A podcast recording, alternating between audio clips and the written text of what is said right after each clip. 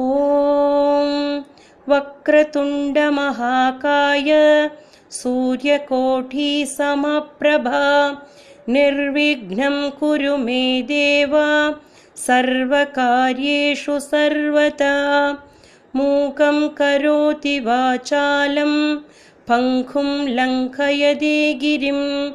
यत्कृभातमहं वन्दे परमानन्दमाधवम्